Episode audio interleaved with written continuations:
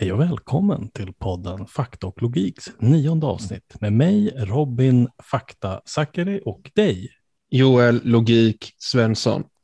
Vi har nu gjort det här skämtet nio gånger och det har ännu inte blivit roligt. Hela vägen mot hundra gånger.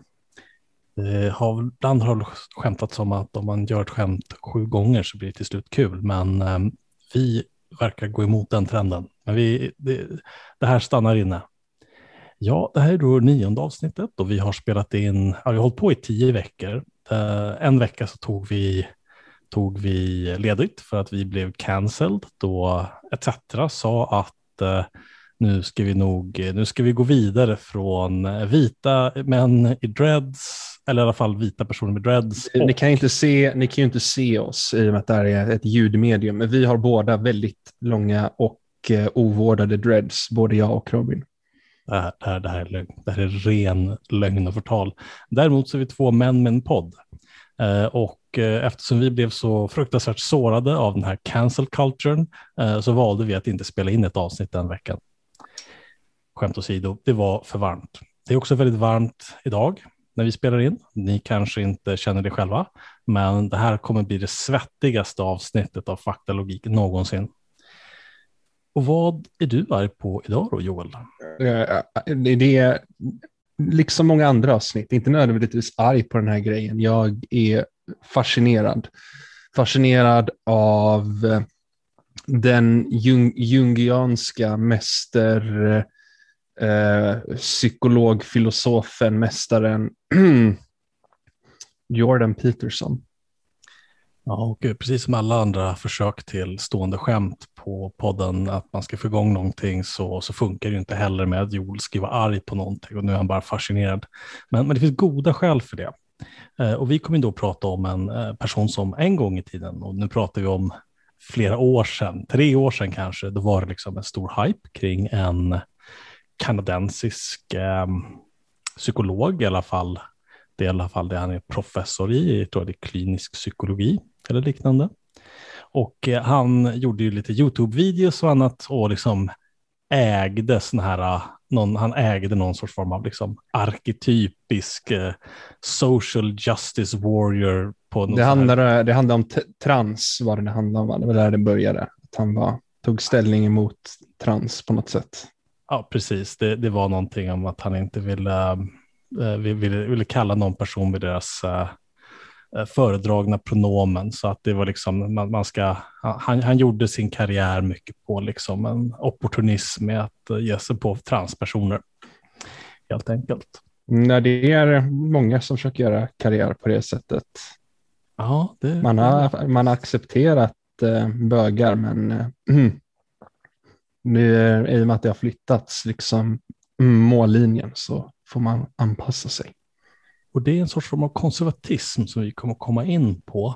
Eh, för vi tänkte bara, jag tänkte först bara berätta lite om bakgrunden om vad Jordan Peterson tror på, för att vi ska förstå. För att han, han är väl mest känd på många sätt för att vara liksom en, en, en, en gubbe som gör YouTubes video som säger eh, tvätta dig bakom pungen och städa ditt rum och eh, ja, du, måste, du måste stoppa liksom allt det här kaoset utom dig. Och det, det förstår man att det appellerar till en viss grupp, särskilt heterosexuella element, Men för att vi ska kunna förstå grunderna av i hur han tänker så, så behöver vi förstå liksom den, den bakgrund som han har.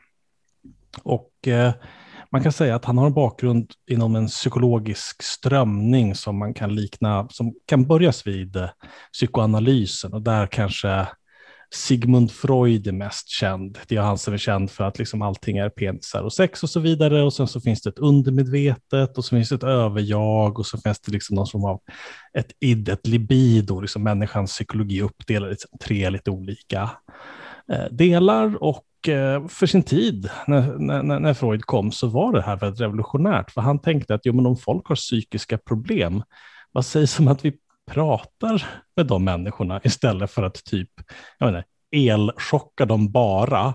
Eh, tvinga folk att ta varma respektive kalla bad. Det, det var ungefär liksom det som man gjorde. Man skulle liksom driva ut de här onda andarna. Men, men, men Freud då, som var en jättesexistisk gubbe och sådär, men han, det här var liksom progressivt på slutet av 1800-talet, att man liksom bara inte skulle liksom plåga den som hade psykiska besvär. Eh, I alla fall i västerlandet. I många andra kulturer så, så finns det ju ett, liksom, lite mer förlåtande, förstående inställning till människor som har olika psykiska problem. Eh, men de var ju oftast inte utsatta för liksom, en så hård kapitalism så att du var tvungen att liksom, passa in och kunna producera. Ja, men det var liksom Freud och Freud hade någon sorts form av liksom påtänkt lärjunge. Och den här lärjungen var väl precis som Freud, alla de här kommer från Centraleuropa någonstans, eh, som heter Carl Gustav Jung. Och han tyckte att det Freud sa det var väldigt intressant med de här olika bitarna i psyket. Alltså det, men han tänkte att nej, nej, nej, nu ska vi tänka mycket, mycket större. För när Freud liksom tittade, ja men eh, det, människans psyke uppdelat i typ tre delar, så tänkte, tänkte Jung bara, nej, nej, nej, nej, nej, det här har funnits alltid. Det finns jätte, det finns ett kollektivt undermedvetande som alla har. Och i det här undermedvetandet så finns det en massa olika saker. Och i ett vanligt språk som vi pratar vardagligen så finns många av hans begrepp. Det finns ord som introversion eller introvert, liksom att man tittar inåt i sig själv. Persona är också ett så här att man... Är, man det, är, det här det, är det här början till de här personlighetstesterna, när man blir INFP eller e, e, e, EP eller vad det nu kan vara? Så kan det vara, men jag tror att eh, Jung hade tyckt att det där var väldigt eh, dumt och fånigt för att det här är mycket, mycket större. Mm-hmm. Och okay. En sak som han pratar väldigt mycket om det är så här psykolog, så här arketyper och det känner vi till som ett begrepp. Liksom. En arketyp för honom var något så här, det har funnits i all evig tid i, i, och alla kulturer har vissa gemensamma bilder som vi bär med oss och det här är liksom arketyperna. Um, och orsaken till att jag kan sådana här saker var att jag var en fruktansvärd nörd, så fick en massa böcker om det här från en kompis som jobbade på ett boklager, så jag satt en sommar och läste alla de här böckerna. Mm-hmm. Och då man ska veta då är att allt det här, både Sigmund Freud och Gustav Jungs teorier är helt ovetenskapliga. Det går på inga sätt att testa om de här sakerna stämmer. Mm. Vad man kan testa är att må människor bättre om man får prata om sig själv och, och hur man mår. Och det kan finnas en viss bevis för det. Men för just de här teorierna finns det ingenting. Så det här är liksom rent nonsens och det saknar all vetenskaplig evidens. När du, när du säger att allting handlar om arketyper, är det att man liksom kategoriserar in folk typ bara efter liksom, psykologiska profiler? Eller, jag har arketyp, tänker jag kategorisering. Vad, vad betyder det egentligen? Jag skulle då snarare säga att han menar att det finns vissa historiska arketyper som kanske en Kristusgestalt. Det har funnits i alla, menar han. Liksom alla. Så att det här handlar inte om dig som person så mycket, mm, att det här okay. är gigantiska, stora saker på ett mycket, mycket större plan. Uh, så att jag tror att han, som jag sa innan, Jung till exempel skulle inte gillat så här allt för mycket um, prat om, om liksom särskilda personlighetstyper av den här moderna som också är totalt ovetenskapliga psykologin. Eh, men det här är bara viktigt, för det här är intressant och viktigt. Ja, det är för att man ska förstå, Jordan Peterson kommer från en väldigt idealistisk eh, skola av tänkande. Och det betyder att världen som den är, den bestäms av bara olika idéer som svävar omkring och i jungiansk psykologi så är de här idéerna eviga, de har funnits i, i mänskligheten jämt och ständigt. Och det gör ju då att man inte behöver titta så mycket på samhällsförändringar och försöka spåra varför saker sker. Om man till exempel har en mer materiell bild på världen, då är det att jo, men människors tänkande förändrar när vi inför till exempel ett nytt eh, ekonomiskt system, till exempel kapitalism. Eh, men om du då är en, en, person som tror på de här eviga idéerna, då, då är det lätt då att man blir en väldigt konservativ person. Uh, och det är ju han, han är en konservativ person. Han tänker att det finns naturliga ordningar och de här ska man inte rucka på, i alla fall inte för snabbt. Uh, och då är ju då så att Jordan Peterson är ju en citat, modern konservativ tänkare för att han kan tycka att frihet liksom som, som äganderätt, det, det, det är viktigt och det är tydligen något som är evigt och alltid funnits. Mm. Um, och han tycker att vissa sociala institutioner är okej. Okay. Alltså till exempel ett offentligt finansierat sjukvårdssystem, ja men det kan vara okej. Okay. Um, rättigheter för personer som är heterosexuella. Eller, ja, heterosexuella, det är de, de får såklart rättigheter. Jajamensan. Uh, och, Homo, men, homosexuella, det var det du menar kanske? Ja. ja. Och det, är det, här, det, här, det här tycker jag att, alltså det finns många anledningar till att jag, jag tycker att han är en enorm kvacksalvare. Men om man vill liksom se, om man, om man vill kritisera konservatismen för någonting, för, liksom för att det är inkoherent icke-ideologi, så är det väl just det här. Det är att konservatismen, det handlar liksom bara om att försvara, försvara existerande hierarkier. Men så fort någonting ändrar på sig, då är man väldigt beredd att släppa på det. Så då undrar, då undrar jag liksom att jag, undrar vad, vad, är den, vad är den fasta punkten i konservatismen då? Är det bara det kanske bara är så att det är reaktion hela tiden. Jag vet att jag inte är den som kommer på det här. Men det är ju liksom, det är det som gör att allt det här är inkoherent och irriterande. Det är bara reaktion. Helt plötsligt så är det här okej okay när det här inte är det längre. Han hade lika gärna, Jordan Peterson, kunnat göra, göra ett korståg mot homosexuella, men nu har han valt transpersoner för att homosexuella blivit för accepterade i samhället för att det ska gå. Precis, och eh, i den här, alltså det, man kan, det finns ju olika sorters konservatism, men det finns en viss konservatism som säger att jo, men samhälleliga förändringar är okej, okay, eh, men det måste få ta tid. Eh, varför det måste få ta tid, ja, det, det, får du fråga dem. Jag, jag försvarar inte det, men det är så liksom de tänker och då kan man mm. tänka att ja, men det tog ett tag för homosexuella att liksom ordnas in i en hierarkiskt ordnat samhälle, för just hierarkierna är väldigt viktiga. För nu har det ju visat sig ganska tydligt att ja, men, homosexuella personer kan väldigt enkelt ordnas in i ett kapitalistiskt eh, produktionssätt. Man kan sälja massa goa viner eller flaggor eller vad som helst till liksom, med regnbågsfärgerna. Vi har mm. ju jag vet inte om Pride-månaden är över ännu, det kanske den inte är än. Den, men... jag, jag, tror, jag, tror, jag tror det, jag såg någon grej på Twitter om det, att exakt vid tolvslaget när Pride-månaden var över, då bytte alla corporate-företag sina loggor till att inte vara regnbågsloggor längre. Precis. Sälj, sälj grej med gay. Eh, det visar sig funka. Eh, det visar ja. sig också att man kan kombinera eh, homosexualitet med en väldigt hård rasistisk nationalism, alltså homonationalism. Och då blir ju sådana här konservativa tänkare, då, då, tycker de, ja men de, de här är ju ändå med oss, alltså tillräckligt många i alla fall.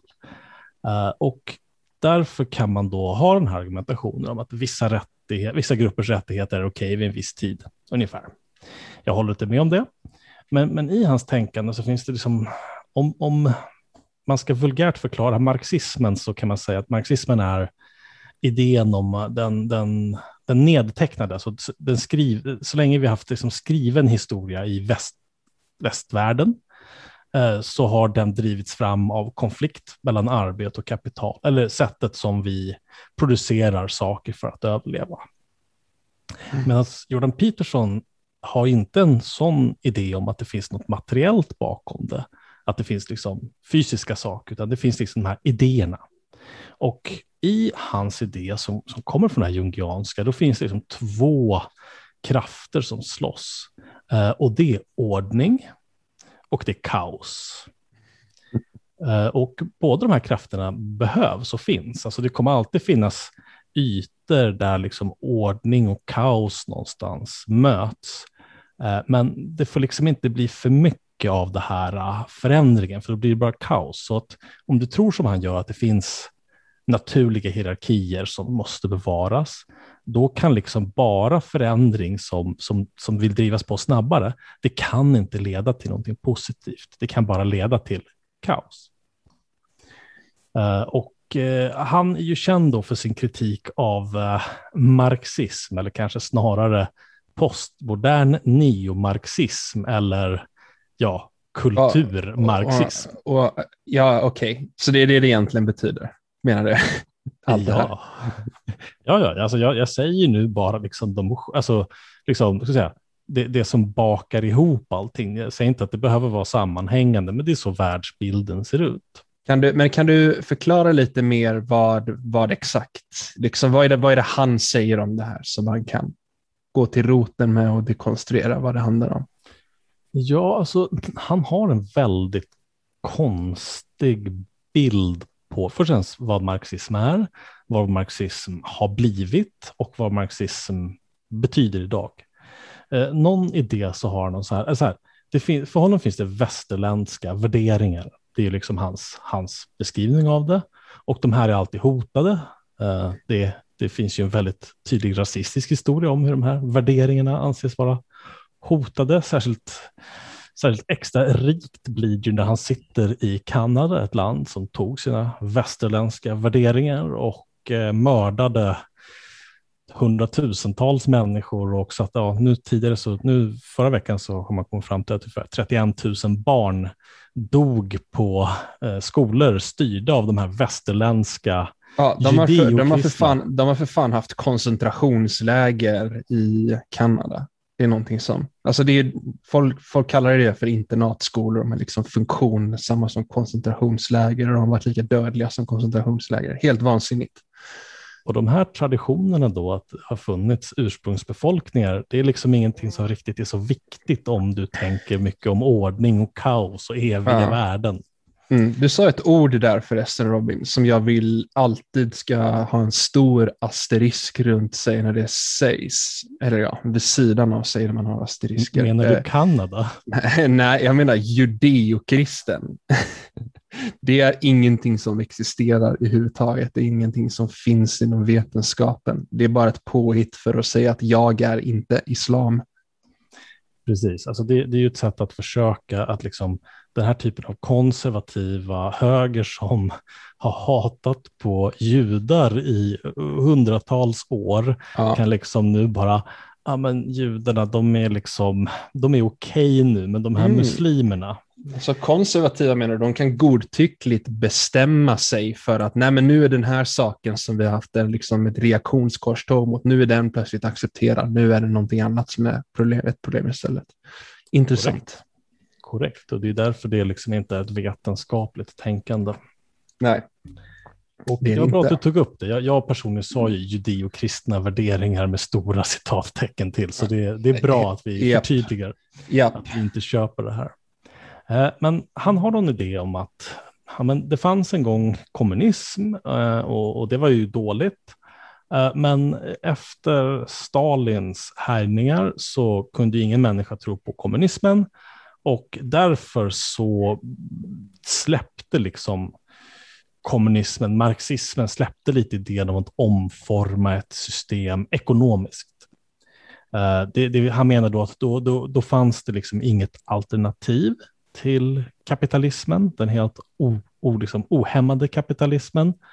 Uh, och det, de kvarvarande liksom marxisterna, det de blev då blev ju, och här får vi också sätta jättestora citattecken kring och så, identitetspolitiker, alltså eh, människor som vill tillerkänna vissa särskilda grupper speciella intressen. Var, varför judeokristen inte är identitetspolitik, det vet jag inte. Alltså men det- det, får det- du fråga honom om. Det ja, exakt. Om det är någon som är identitetspolitiker så är det Jordan Peterson i högsta grad, mer än kanske någon annan på jorden. Och i allmänhet, folk som är konservativa, de är liksom ur-identitetspolitikerna.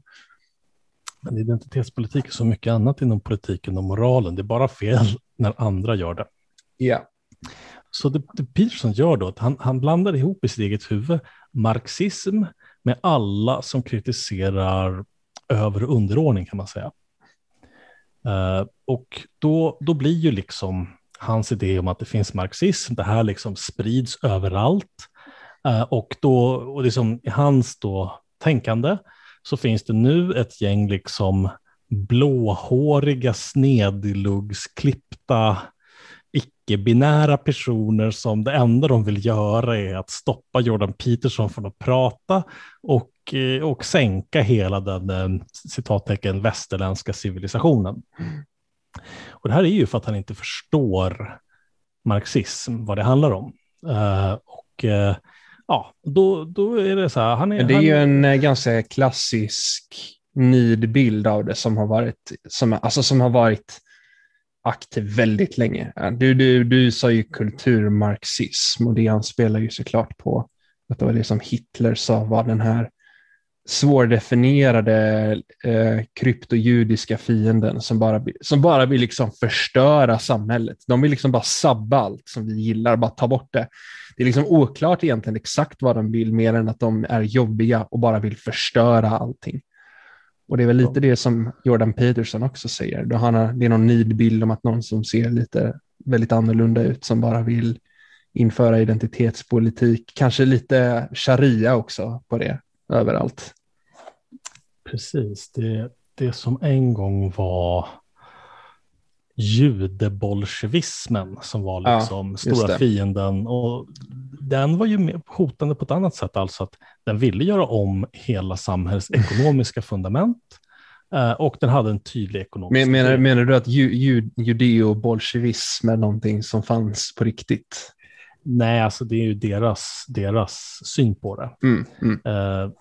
Det. Vad man kan säga var att det har alltid funnits en stor, fram till och ja, knappt ens efter då andra världskriget så fanns det, det fanns en väldigt stor judisk population i Europa och inte alla, men väldigt många sympatiserade med olika socialistiska strömningar. Ehm, de blev eh, om du både var judisk och socialistisk så var ju du den allra mest utsatta och stor del av den rörelsen dog i andra världskriget. Mm. Ja, det var väl inte de som lyckades fly, de hade inte resurser att göra det liksom. Nej, det är ju ofta så att i, i länder där en diktatur tar över så kan ju olika sorters former av personer som tillhör eliter fly och andra inte. Um, och Peterson är som många liberala och konservativa tänkare och även socialistiska tänkare väldigt arga på att vi allt mer i samhället går mot en känsla av att det inte finns ett samhälle längre. Att det är någonting som styr oss ovanifrån. Det är inte vi själva som bestämmer längre. Det gamla eh, band mellan människor tunnas ut allt mer. Mm. Och eh, det här är de, det är de jättearga på, att de vägrar erkänna att ja, men orsaken att de här banden är tunnare och tunnare, det är ju för att folk blir allt mer och mer utsugna av kapitalism. Men den, den liksom, det är naturligt, så man får inte tänka att det kan vara orsaken. Och då, då blir det de här äh, inre fienden, alltså de här jobbiga, eh, jobbiga campusaktivisterna Uh, och det, jag, det som många brukar säga som, som kommer från vänstern är att jo, men, alltså, om man är störd på folk inom vänstern och blir höger för det så är man ju mesig. Vi har ju själva levt med liksom, den jobbigaste delen av vänstern i stora delar av våra liv. Så att liksom, ja, vilken, jäkla, vilken jäkla vekling du är. Den, den, den, den, den grejen att oh, jag, jag, jag blev liksom reaktionär och efterbliven för att typ någon, någon uh någon annan eh, i typ vänstern var jobbig eller använde ord som inte jag gillade. Det, det är nog det, det, det, mest, det dummaste som finns. Alltså det är ju inte något som är för riktigt. Det är att folk ändå tycker någonting och vill bara ha en ursäkt till det kan man säga. Jordan Peterson ställer sig faktiskt i en skara av människor, konservativa kändisar som någon gång tidigt i sitt liv har varit med i en obskyr vänstergrupp. Alltså det är inte ovanligt att... Mm, Tony eh, Blair var väl trotte till exempel. Tony Blair är en av dem. Eh, jag tror att Charles Murray som är liksom en känd Just det, rasbiologen. tänkare, jag tror att han också var trotte. Det här är ingen anti-Trotte-podd. Trotte är en trotskistisk, kanske en kommunistisk strömning. Men, men det finns många fall av, och det, du får ju också en viss automatisk kändisskap om du som någon gång har kallat dig vänster och sen liksom bara, nu vill jag göra någonting annat och tjäna lite pengar. Då kan man alltid liksom dra det kortet. Ja, för de har jättemycket pengar av någon anledning. Undrar varför det är så. Bra fråga. Uh, ja, och uh, sen blir han ju då känd för att han gör olika videos på, på YouTube då, där han det var mycket så här, Jordan Peterson destroys X, ja. Z. Det, det var ju jättepoppis då. Uh, och, jag kanske, och, och sen så släppte han en bok som heter 12 regler för någonting, någonting, någonting, någonting. För, för for life var det väl? 12, ja. 12 rules for life tror jag den hette. Och vi, vi ska ju inte gå igenom alla, alla de reglerna av flera skäl. Nummer ett är att eh, det, det, är patetiskt. Va? Uh, han säger plattityder som att du ska städa ditt rum. Men, men varför säger de här plattityderna, Joel? Ja, alltså det, det här är någonting som jag på riktigt tycker är väldigt intressant. För allt det här är ju självhjälp som riktar till unga män liksom, som troligtvis har blivit tillsagda av sina morsor, liksom, ja, men städa ditt rum. Men grejen med Jordan Peterson är att han säger varför du ska städa ditt rum. Och din morsa kanske inte, din morsa kanske inte säger till att du ska tvätta dig bakom, bakom pungen, eh, som jag mm, Jordan Peterson verkar ha sagt. Men angående just att städa ditt rum, då har din morsa sagt till dig många gånger. Men Jordan Peterson säger varför. Och Jordan Peterson säger ja, men det är för att du ska få ligga och bli framgångsrik. Och det, det är det som är nog, nog grejen med han, tror jag, i allmänhet. Han säger varför. Det gör inte din, din morsa. Din morsa liksom har mera typ abstraktioner. Det är liksom mer för jag vill det eller typ för att det är så man gör. Men Göran Peterson säger det här kommer leda till det här.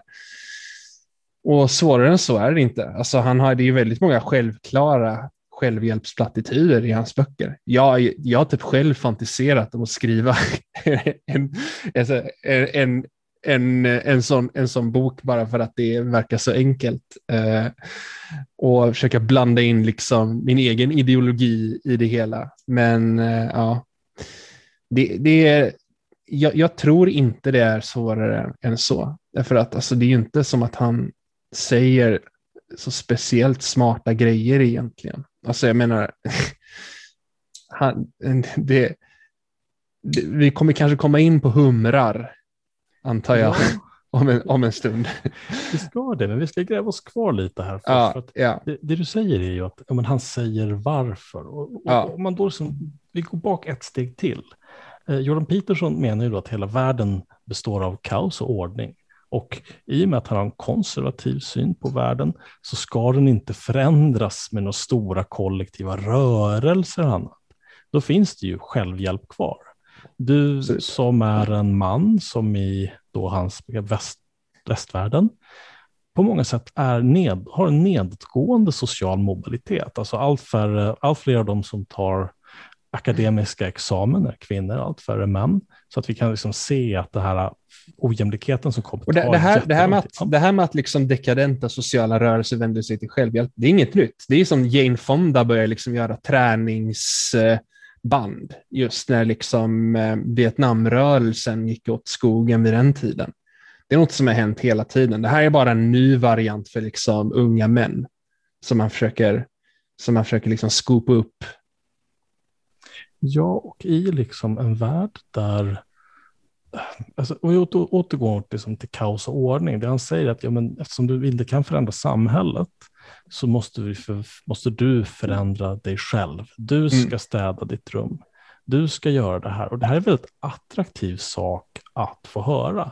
För att i och med att äh, ja, men, heterosexuella män unga män har i kultur och annat blivit mer eller mindre lovad en överhöghet. Det sägs ju inte direkt ut, men allt hur samhället agerar har gjort att du ska få, du ska ha det gött. Ja, du ska alltså det, en och det, det, är väl, det, är väl, det är väl så, det kan väl tycka är lite, eh, det kan jag väl tycka är lite synd med diskursen när man liksom pratar om privilegium, privilegium och så, det är ju att, alltså, och det är ju, det är ju såklart så att det finns liksom att folk har olika förutsättningar och grejer, men då, då finns det en skara som hör den här, som liksom tillhör tekniskt sett de privilegierade grupperna, men som ändå har det, liksom, har det skit. Vita män typ och eh, vita män liksom som är heterosexuella, men som ändå har, har det ganska kast av eh, anledningar som vi redan har gått igenom. Och ja, det, de är ju ripe liksom för att bli uppskopade av eh, den här typen av person. Vi har aldrig haft en bra utveckling i Europa eller Nordamerika där vi har en klass av unga män som du går ut för. Det, det går alltid åt skogen, för de här unga männen ägnar sig oftast åt fascism. Ja, och de är, det är en ganska stor grupp också. Alltså jag menar, det är ju det är, det är såklart så det, att det är sant att man ska prata liksom om att folk som har liksom eh, olika sexualiteter eller härkomst, att de har det, har det svårt och så liksom. Men politiskt kan det bli jävligt dåligt tror jag när man vänder när, när, man liksom inte, när, man, när, man inte, när, man inte, när, man, när man liksom inte ser helheten i det hela. Att det här är en stor grupp människor som skulle kunna liksom vara med i ett solidariskt projekt med alla de här personerna. Och det, nu, nu, vet, nu, nu, nu, går jag, nu pratar jag lite om, nu blir det lite den här karikatyren kanske det jag säger låter det som. Eh, det är såklart inte så att det finns så många personer som på riktigt bara försöker organisera folk på identitetsbakgrunder. Det är en, det är en enorm karikatyr, men ändå så har det, ju, det har ju blivit lite så att det har slagit igenom just därför. Det här som Jordan Peterson säger. Ja, och det, det har ju alltid varit så en populär strategi från höger att ta vissa specifika ytterligheter eller strömningar som man tycker är extra roliga att ge sig på och sen föreställa det som att det, liksom, det vore hela vänstern. Eh, men då har vi liksom alla de här unga männen, de, de har inget jobb, eh, de har väldigt få framtidsutsikter, de kan inte kanske flytta hemifrån. Mm. Det, för att de ska överleva mentalt så behöver de liksom någon så här överbyggnad. Att det är väldigt annorlunda beroende på vart man är någonstans i världen. Absolut. Ska man påpeka med där. Jag, tror att, jag tror att unga män i Sverige som är vita har det kanske bättre än vad man har det i exempelvis USA. Där, det, där det är en helt annan, annan situation. Absolut, så är det. Men um, vi ska inte gå allt för mycket mer in på det. Men han har liksom en inbyggd publik och den har liksom mm. skapat mm. av, av det här ekonomiska systemet som man inte får kritisera. Och då blir liksom idéer om ordning och kaos uh, väldigt, uh, liksom väldigt uh, hjälpsamma för en person att ordna upp liksom verkligheten, att sortera den. Alltså det man ibland kallar ideologi. Hur ska man se liksom på världen? Eh, och han hade jättemånga fans och han var jättepopulär under väldigt lång tid och gjorde YouTube och annat. Och, eh, men nu kanske vi ska komma in liksom till Jordan Petersons liksom fall. Eh, och det är i djävlans fall, det här århundradets. Ja, och, han, och det var inte så att han blev, han blev cancelled. Som det han blev, han blev cancelled av sin störda dotter. ja, och Jordan Peterson har ju pratat väldigt mycket om olika så här, drakar i kaos och kvinnor ja. är liksom den kaotiska kvinnor, energin. Kvin, ja, precis. Kvinnor är den demoniska kaotiska energin. Och det visar sig att det finns en kvinna som verkligen är succubus, Satan själv, och det är hans dotter. Jordan Peterson då Eh, blev beroende av, av benzo. Jag kan inte uttala det, benzodiazepam eller något sånt där. Jag, jag kan inte uttala Benzodiazepiner heter det, säger jag. Sure. Jag vet inte om det vi, vi, vi säger det. Snillen spekulerar, men det här är då oftast uh, läkemedel som man får tillskrivet till sig av olika skäl och är känd kanske mer som Valium eller Sanax, så det finns lite olika liksom, varumärken på dem. Är det, är det här en opioid? Att det kommer ifrån eh, den grenen av, eh, av eh, liksom, läkemedel och narkotika? Vänta nu, men jag springer och hämtar mitt fass. Nej, jag har faktiskt ingen aning. Det kan, det kan vara det, det kan också inte vara det. Jag, jag det, det, det, det uttalas benzodiazepin. Jag googlade på det nu. Ja, fortsätt, kör på bara. Jag har alltid trott. Jag är glad att jag inte försökte. Men han blev beroende av det här och det kan hända. Beroenden. Ja. Människor drabbas av beroenden och tydligen så hade han fått det på grund av att hans fru fått cancer mm. och så hade han behövt lite hjälp. Ja. Det är väldigt vanligt och det är mer vanligt med, med kvinnor kanske som är sönderslitna i kroppen, blir liksom pillerberoende, men det är något som Jordan Peterson aldrig skulle förstå för att då måste man erkänna liksom, mm. klass och liknande saker. Mm. Men man kunde se på honom och hans videor att han såg mer och mer sleten ut helt enkelt. Yeah. Han, han hade ju också en idé om, han, hans dotter släppte ju en bok om den så kallade lejondieten. att man bara skulle äta rött kött. För att om man ska vara riktigt konservativ, då måste man liksom dela in världen i vad som är liksom fjolligt enligt deras liksom sätt att se det som. Och grönsaker, det är fjolligt. Du ska äta rött kött.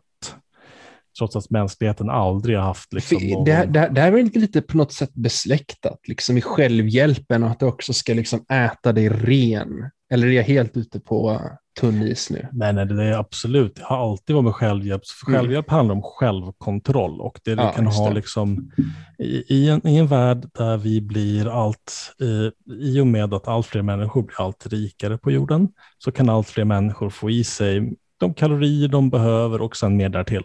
Och då blir det ju vad som en gång i tiden var liksom status att kunna vara tjock eh, och vara rik. Och liksom man ser på så här gamla bilder på ja, men 1700-talet och så, så här, eh, rika adelsmän. Men som du var bonde liksom, så var du utmärglad och liksom sönderarbetad. Eh, Men nu är det tvärtom. Nu ska du liksom bara vräka i dig olika proteiner för att inte bli tjock av kolhydrater. Övergripande så. Och då finns det en tydlig Mm. renhet i det. Liksom. Absolut. Du ska hålla ditt sinne rent, det ska vara borta från kaos och du gör det genom att äta kött. Ja. Och eh, ja, tydligen så blev han då beroende av de här och det var ett beroende Mm. som eskalerade. ehm, och eh, ja, det mår man inte bra av. Och i Kanada, precis som i de flesta andra länder, så finns det ju missbrukarvård av olika slag som, som bygger på Ja. vetenskap och beprövad evidens förhoppningsvis. Ja. Eh, och om man då ska, ska, ska sluta med ett beroende, och beroende kan kan definieras på olika sätt. Ett sätt att definiera på beroende är att man fortsätter med ett beteende trots att du märker hur, hur dåligt det går för dig. Mm. Alltså vilka negativa, in the face of negative consequences.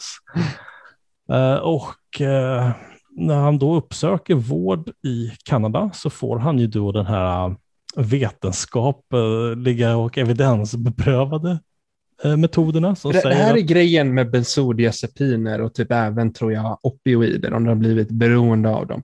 Du kan inte sluta cold turkey. Alltså du kan inte bara sluta ta drogerna och så blir allt bra därför att din kropp har bokstavligen blivit beroende av den. Men, och du kan fortsätta här Robin. Ja, och det är ju det såklart vad vården i, i Kanada och alla andra ställen på jorden skulle säga. Liksom att Mm. om du ska sluta med de här eh, medicinerna, de här eh, substanserna, så ja, då, då- ska du göra under lång tid. Och när det just gäller de här bensodiazepinerna då, om det var rätt uttal, Bensodiazepin. nej det är för jobbigt, jag kan inte uttala det. Det är lugnt, jag är här och kommer rätta dig varje gång. Alltså det är därför du är här. Mm, det är därför jag är här. Ja, och då, då, då, då kan man sakta minska en dos. Alltså, då får du liksom långsamt, långsamt mindre och mindre av den här substansen. Det, det kan ta ett år. Eh, det, det kan kanske ta ännu längre. Jag är en expert på det, men det, det man vet i alla fall är att du ska inte liksom bara sluta direkt. Nej. Om du, om du har då en idé om att jo, men det handlar om självkontroll, det handlar om o- om liksom din, du som ordnar kaoset eller så, då kan ju du bara sluta cold turkey. Så vad som händer är att alltså, den, som kommunicerar kring det här är ju inte Jordan Peterson. Det är Jordan Petersons dotter. Som Jordan har, Petersons dotter har helt tagit kontroll över det här och hans eh, vårdsituation kan man säga. Det är ett extremt bra beskrivning av det. Jordan Peterson är helt, han, han är borta. Ingen ser honom, ingen hör någonting från honom. Nej, nej alltså han, han, han, är, han är väl, är väl liksom troligen bara helt apatisk och blir bara vaggad av sin dotter ifrån vårdin, vårdinrättning till vårdinrättning. Och i Nordamerika så säger alla läkare samma sak. Nej, nej, vi ska inte gå cold turkey på det här, utan det här ska göras liksom under lång tid. Och det, det här gillar ju liksom inte hon. Mm. Eh, så att helt plötsligt så får man rapporter att Jordan Peterson är i Ryssland. Ja, och varför är han i Ryssland av alla ställen?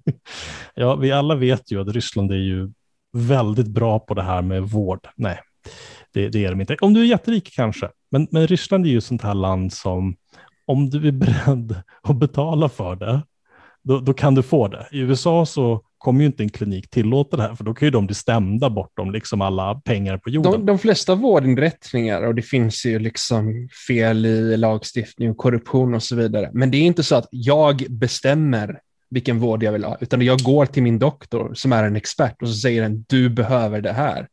Men om du har pengar så kan du gå till Ryssland och då kan du säga jag vill, jag vill ha den här typen av vård. Jag vill, jag vill bara liksom sluta med det här dödsknarket på direkten och så får vi se vad som händer för jag har bestämt mig för att det är så det ska fungera.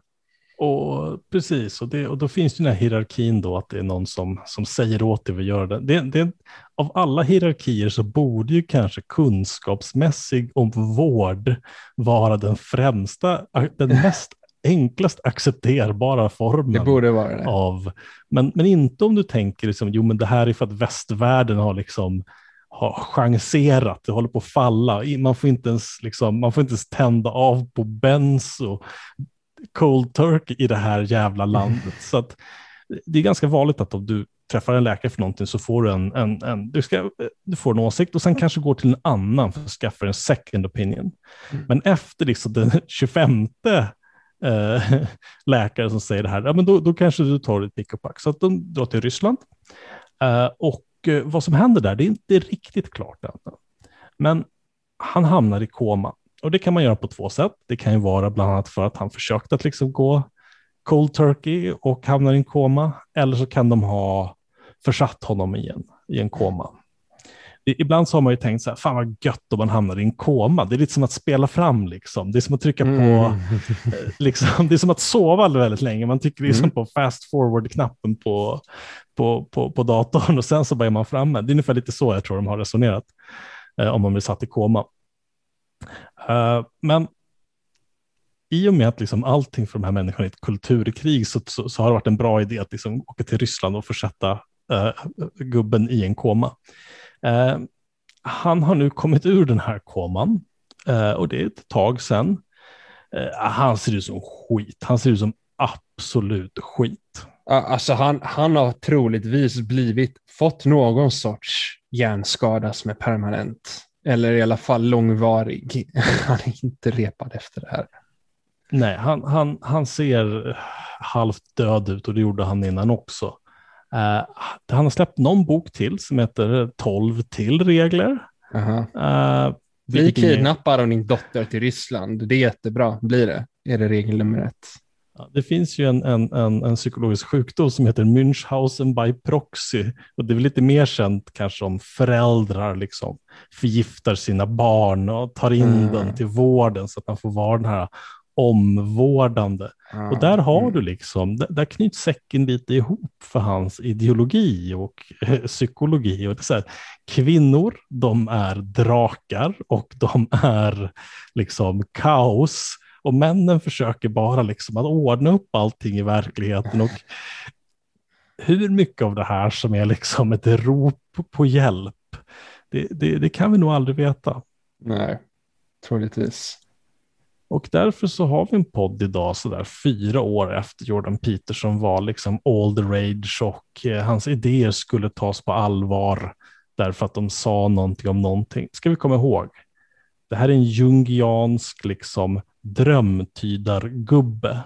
Att det här har blivit den här det, fakta och logik-högerns favoritfilosof ett tag betyder ju så himla tydligt att de inte är intresserade av fakta som bygger på liksom materiella premisser som man kan följa, som följer logiskt, utan det handlar bara om att vi kommer lyssna på den gubbe som säger att vi ska upprätthålla vissa hierarkier. Alltså jag såg på någon grej på YouTube, han, för, för övrigt, han låter som grodan Kermit.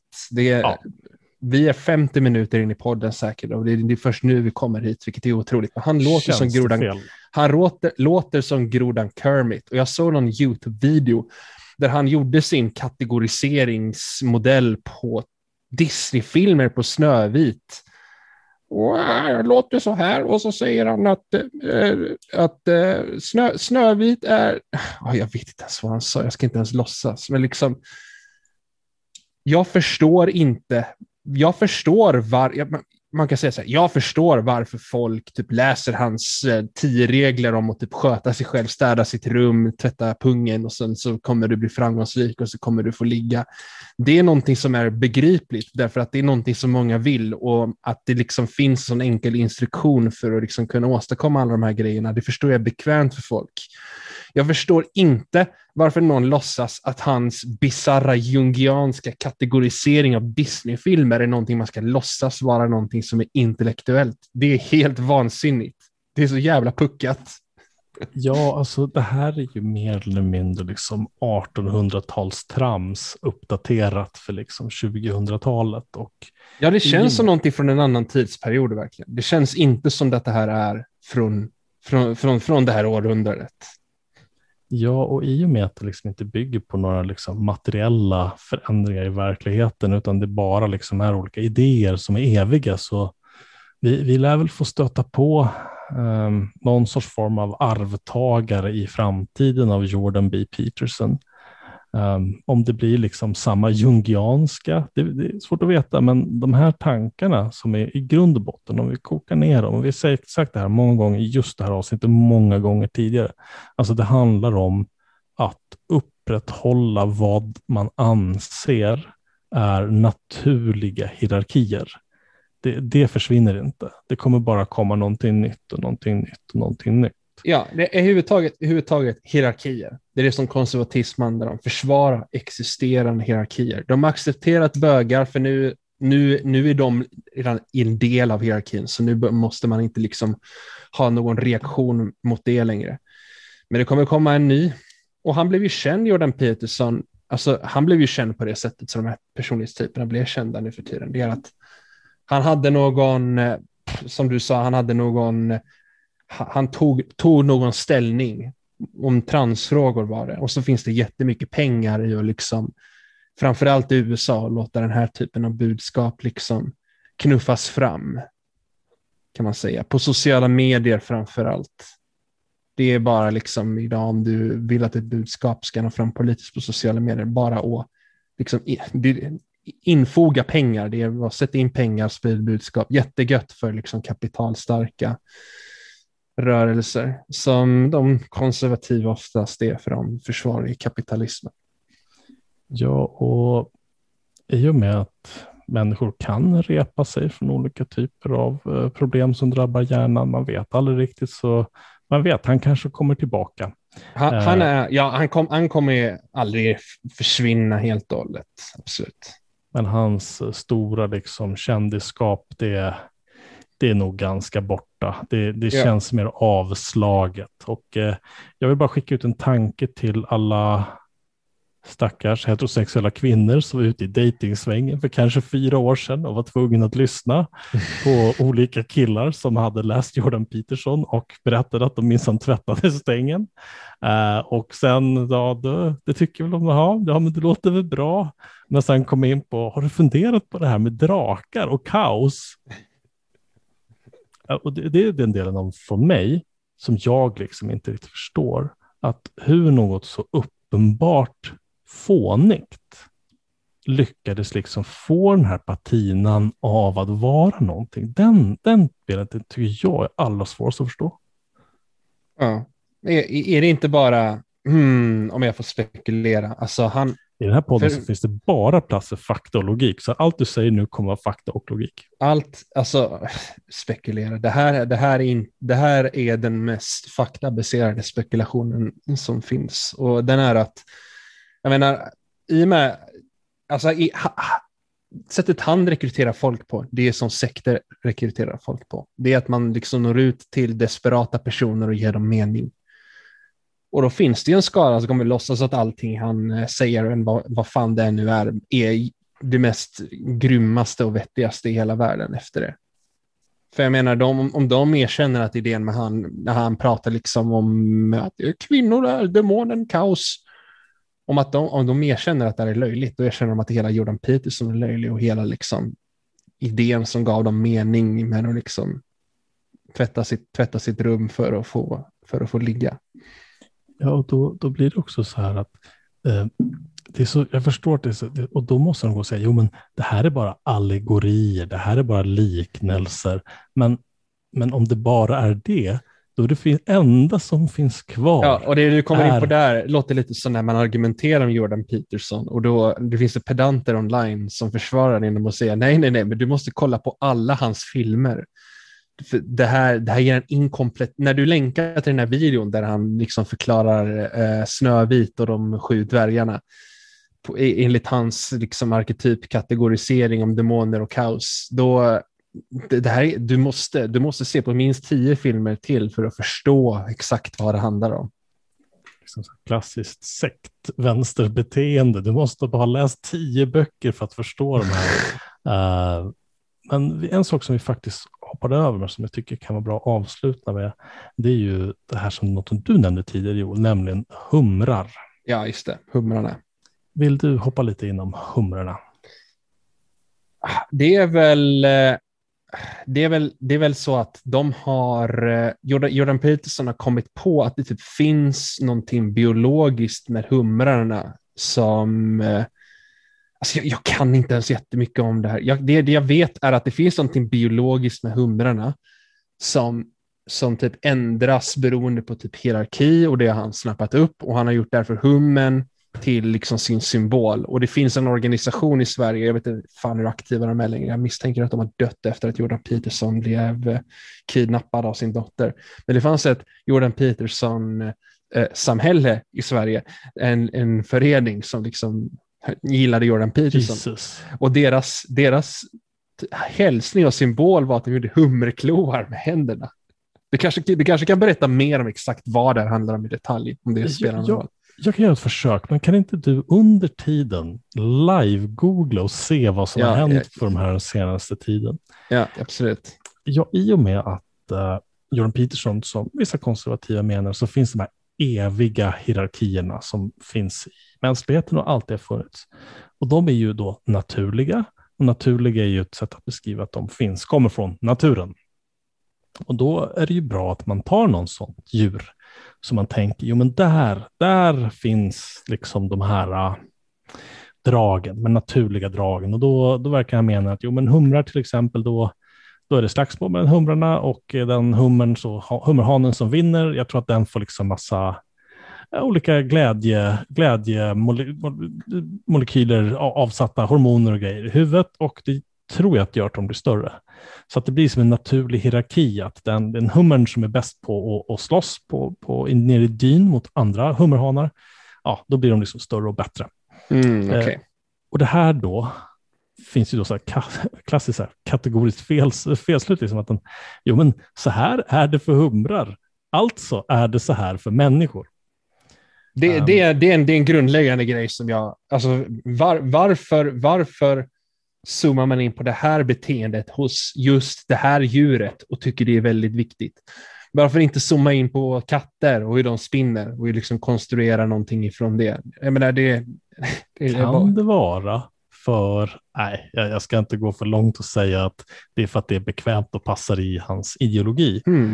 Uh, nej, men om du vill gå och titta på naturen, ja men då kan du ju Eh, du, du, kan ju välja liksom att säga, ja men det här djuret är det så, men tittar vi då på våra mer närmare besläktade djur, om hur de beter sig, olika sorters apor och primater, då, då, då verkar det inte fullt lika enkelt som Jordan Peterson menar och då, ja, då är det kanske så att vi inte naturen kanske är full av oordning och kaos. Eh, men, men man kanske inte, kanske inte ska bygga ett samhälle på att vi har sett ett skaldjur eh, liksom i dyn på botten bete sig. Det kanske inte är så vi ska bygga ett samhälle. Men vad vet jag? Jag är inte en jungiansk skolad drömtydarfarbror som hatar liksom unga feministtjejer. Är det, är, det, är det här det mest kvacksalviga liksom, akademiska rollen man kan ha efter då såklart eh, nationalekonom på Handels? att du liksom är psykolog med typ inriktning på att Nej, men alltså, du extrapolerar så jävla mycket. Jag tänker också på evolutionär psykologi, liksom när man, säger, när man liksom försöker förklara att beteenden, ja men anledningen till att Joel, du dricker kaffe varje morgon, det är för att dina förfäder hade något intränat beteende om att göra si och så här. Liksom det, det, bara giss, gissningar och helt omöjligt att prova. Liksom, det finns ingen vetenskaplig metod för att liksom se att det verkligen är så här på riktigt. Nej, då kan vi ha en intressant diskussion. Att så här, är, det här, är han evolutionär biolog? Är han Mm. liksom evolutionär psykolog? Eller är han liksom jungian? Jag tror att kanske att det, det mest korrekta är liksom att han älskar de här arketyperna, de här liksom det kollektiva undermedvetande biten snarare än liksom den, den, den vetenskapen med citattecken på evolutionspsykologi som alltid verkar handla om huruvida man får ligga eller inte. Och, Jag, jag, jag såg här förresten ja. här Jordan Peterson-sällskapet. Alltså de, de hade ju en period där 2018. Det var då man brydde sig om Jordan Peterson senast kan man säga. Jag, jag vet att han har kommit ut med sin bok, men ingen bryr sig om den boken just nu. Det är därför vi kanske har den här podden, men det, den får ingen uppmärksamhet. Sällskapet, det verkar vara, vara något som fanns då. Alltså jag, jag hittade deras Facebookgrupp och det var liksom, den var privat, men jag såg att den har inga inlägg den här månaden. De har ett Twitterkonto och senaste liksom, tweeten var för typ två år sedan. Det är, det är helt dött. Ingen bryr sig längre. Och varför är det värt att prata om liksom en sån här um, anakronistisk, sånt tidsotypisk sak som inte är liksom i tidsandan. Det, det, kanske är för att vi vill liksom berätta om att liksom den här idén om de här naturliga hierarkierna som vi allt mer ser i samhällsdiskussionen, att de alltid kommer tillbaka, att de tar olika form. Just då tog den formen av liksom en drömtydargubbe. Nästa konservativa kändis sådär, men det blir, det vet jag inte. Men... Ja, men alltså det, det, jag tycker det är högst relevant just därför att, för, först och främst, han är, inte, han är inte helt borta. Han har släppt en ny bok, men hans, hans person, inte för att vara en jungian, men liksom det finns alltid den arketypen av att det, det, den här personen uppstår.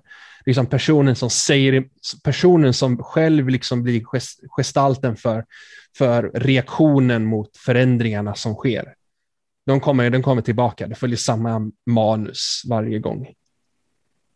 Och det är ju för att vi tror då att det finns eh, säga, ekonomiska, materiella eh, han hade bakgrunder. Inte, man hade inte brytt sig en skit med Jordan Peterson om det inte vore för att det fanns en ekonomi bakom, liksom att folk skulle bry sig om honom. Om inte sociala medier hade existerat, om han hade kunnat ha en stor eh, apparat. Alltså det här är mycket fokuserat på USA. må vara kanadensare, men det är ju amerikanare som har promotat honom och där finns det en enorm ekonomisk apparat för att förstå, förstora den här typen av budskap. Menar du att liksom samhället i stort inte bryr sig om interna diskussioner mellan ja, jag freudianer och jungianer? Om samhället hade brytt sig om idéer, då hade vi haft, lika gärna kunnat haft en diskussion om marknadshyror för parkeringsplatser som för bostäder. Men av någon anledning är bostäder mycket intressantare än parkeringsplatser. Undrar varför? Ja, och eftersom det här är en materialistisk podd som vi bryr oss om samhällsförändringar och hur ekonomin spelar roll så är det alltid det vi kommer att återkomma till. Det betyder inte såklart att det inte finns idéer, idéer finns ju alltid. Men vilka som tar fäste, vilka som häftar vid, vilka som har energi, de har oftast väldigt tydliga kopplingar. Och när man, när man liksom tänker bort de sakerna i sig, ja, då hamnar man i drakar och kvinnor är kaos helt enkelt. Och jag tror inte att det finns så mycket mer att säga om Jordan Peterson just nu. Kanske finns det i framtiden, förhoppningsvis inte, men då har vi, vi helt får, klart. Vi, vi, vi, kommer, vi kommer ha del två, tre, fyra och fem om honom. I så fall. Oh, det vill jag så hemskt gärna slippa. Men eftersom vi är en podd som, som tar vårt samhällsuppdrag på allvar så får vi vara beredda att göra del tre, del fyra, del fem av, av Jordan Peterson. Absolut. Eller vem det nu blir som tar över. Alltså det är ändå det vi får betalt för av vår finansiella uppbackare Daddy Soros. Podden, um, podden Faktologik får inga pengar. Vi, vi har ingen Patreon. Anledningen, ni ser inte min videoström här, men jag har, ett stort, jag har ett stort porträtt av George Soros bakom mig. Det är inte för att jag får pengarna av honom, jag bara tycker att han är fantastisk. För er som är riktiga, riktiga vinnare lyssnar bara på en podd, denna podden. Men om ni mot förmodan skulle lyssna på även andra poddar eh, så vet ni oftast att man får höra reklam. Man får erbjudanden om att köpa saker. Man kan bli Patreon, vilket betyder att du blir månadsgivare i princip.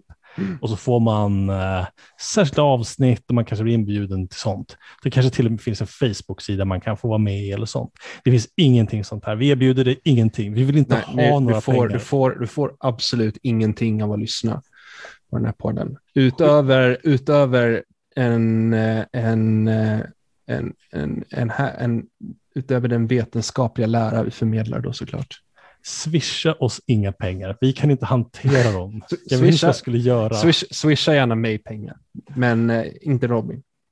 Nej, swisha inte mig några pengar. Swisha inte Joel några pengar heller.